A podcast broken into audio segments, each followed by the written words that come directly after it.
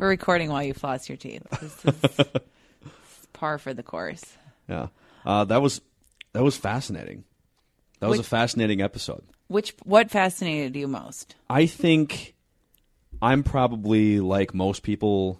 I wouldn't say like most people listening. I think a lot of people listening are maybe in tune with their dreams or maybe have interest in finding the meaning behind their dreams. But just speaking for the masses and speaking for maybe the fringe audience, I never really think about my dreams beyond, oh, that was weird. Right. Or, oh, that was odd. There was a man in a clown suit juggling uh, chainsaws chasing me through the Mall of America. You know, it- that was odd. And then you just let it go. Yeah. You don't, you don't actually put any action or further thought behind your dreams. No, or you go like, you know, you don't, but look at one of those dream dictionaries that the clown means, I don't know, scary middle-aged person. I don't know what the clown means, but like, I don't you? often dream about clowns, I guess. I don't want it to seem like I do. but I mean, I've Yep, looked that- up. that- every night. Oh man. Oh man.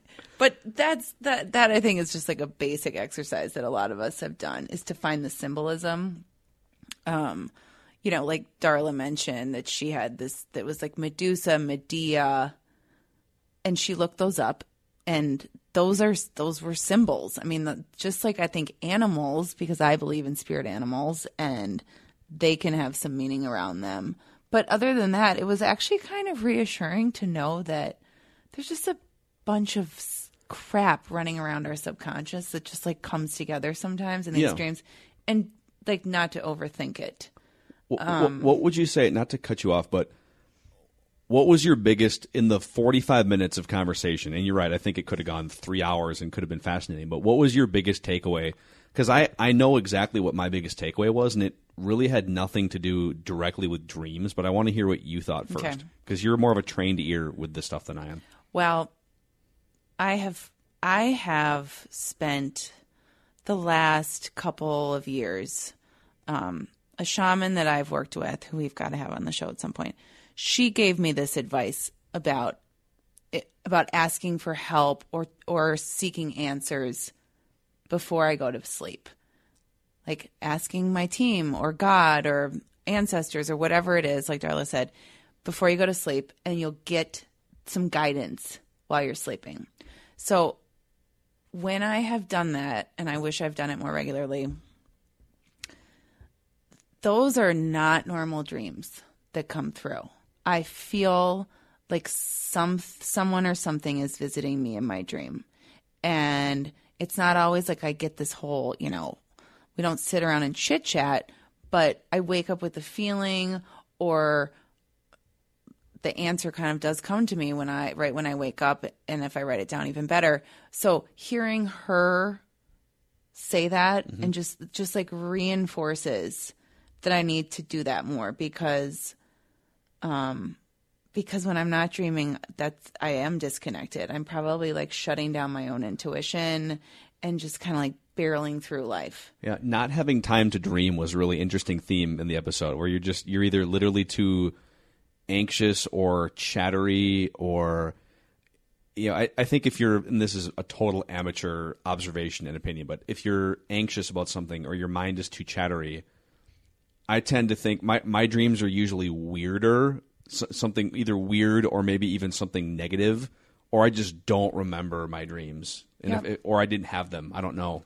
I mean, has it come to this? We are now so stressed out and preoccupied and anxious that we can't even dream for the seven, eight hours that we're asleep. I mean, Like, there's not even time for that. it's definitely an interesting sort of uh, you know it's a different it's a different era and society that we live in now and it's unlike any other time in human history in that we are inputting so many things into our brains on a minute by minute basis. You know look at just any statistic about how often we look at our smartphones how often do we check our social media accounts how often are we texting friends i mean how often are you just on your phone and feeding things into your brain that didn't exist or weren't accessible Right. for thousands and millions and millions of years. And so, So much noise. yeah, and, and I, I would say my main takeaway was more on a practical level when she said, and I'm kind of paraphrasing, she said she was always in her mid 20s, she was always looking for permission to make big changes or, or do big things in her life.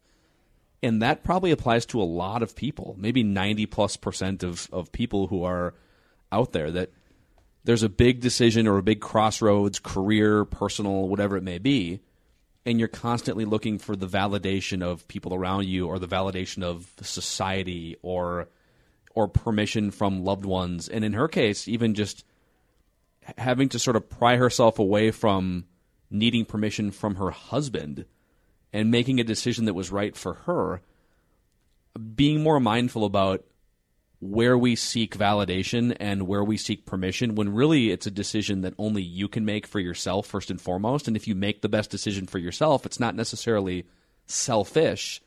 It's and, and somebody smarter than me once used this word it's self full right? If you can if you can fulfill yourself maybe you can offer more value to other people or to the outside world. But the way she put it in terms of looking for permission to make a big change is it, it kind of blows your mind and it makes you feel bad about all the times where maybe you didn't make the move that was right in some form or you chickened out or maybe you're sitting here right now knowing that there's two or three things that you should do and you're not doing it right?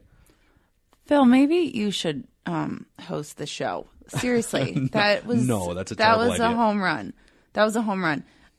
And it's yeah she talked about it in her 20s but we see it in all ages, this seeking validation and you, oh, I have so many things. So I can't. That yes, we're we already we already have the answers inside of us. This is what we hear again and again on this show. Like, yep, you need the psychic, but the psychic just mirrors back probably what you already know. You oh. already feel it. You need the therapist, you but you know what? The, the therapist is just getting you to say what's really true. Yep. How do you really feel? What do you really want?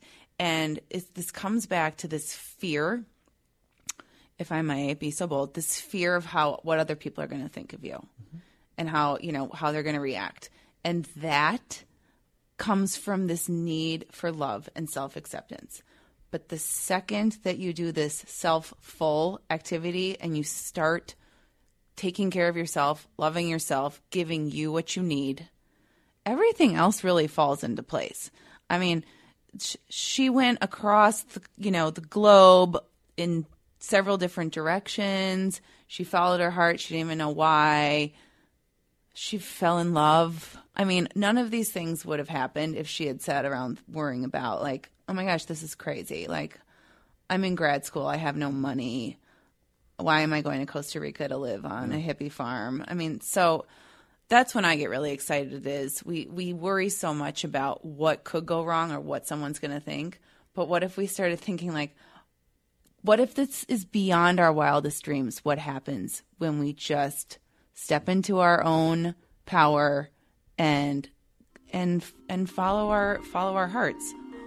Okay, I'm sorry if that was really just a cheesy diatribe. Follow our arts. That's how I feel. It was a really good point, and then you went cliche at the end, I but did. It, was, it was very good. Please come back for the next episode. Don't don't fail because of this.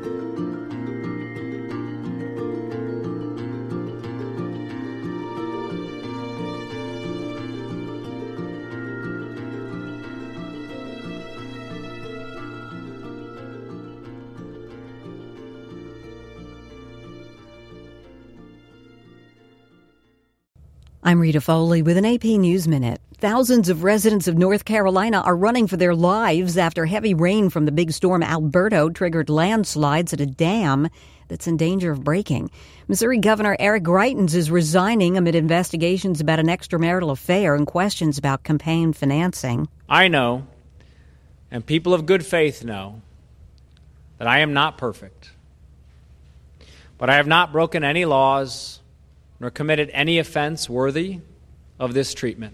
Roseanne Barr is apologizing to those who lost their jobs now that her TV show's been canceled after she tweeted a racist comment about an advisor to former President Obama, Valerie Jarrett. First of all, I think we have to turn it into a teaching moment. I'm fine. That's Valerie Jarrett speaking there. Wall Street expected to open higher after a tough day yesterday. The Dow lost 391 points to close at 24,361. I'm Rita Foley.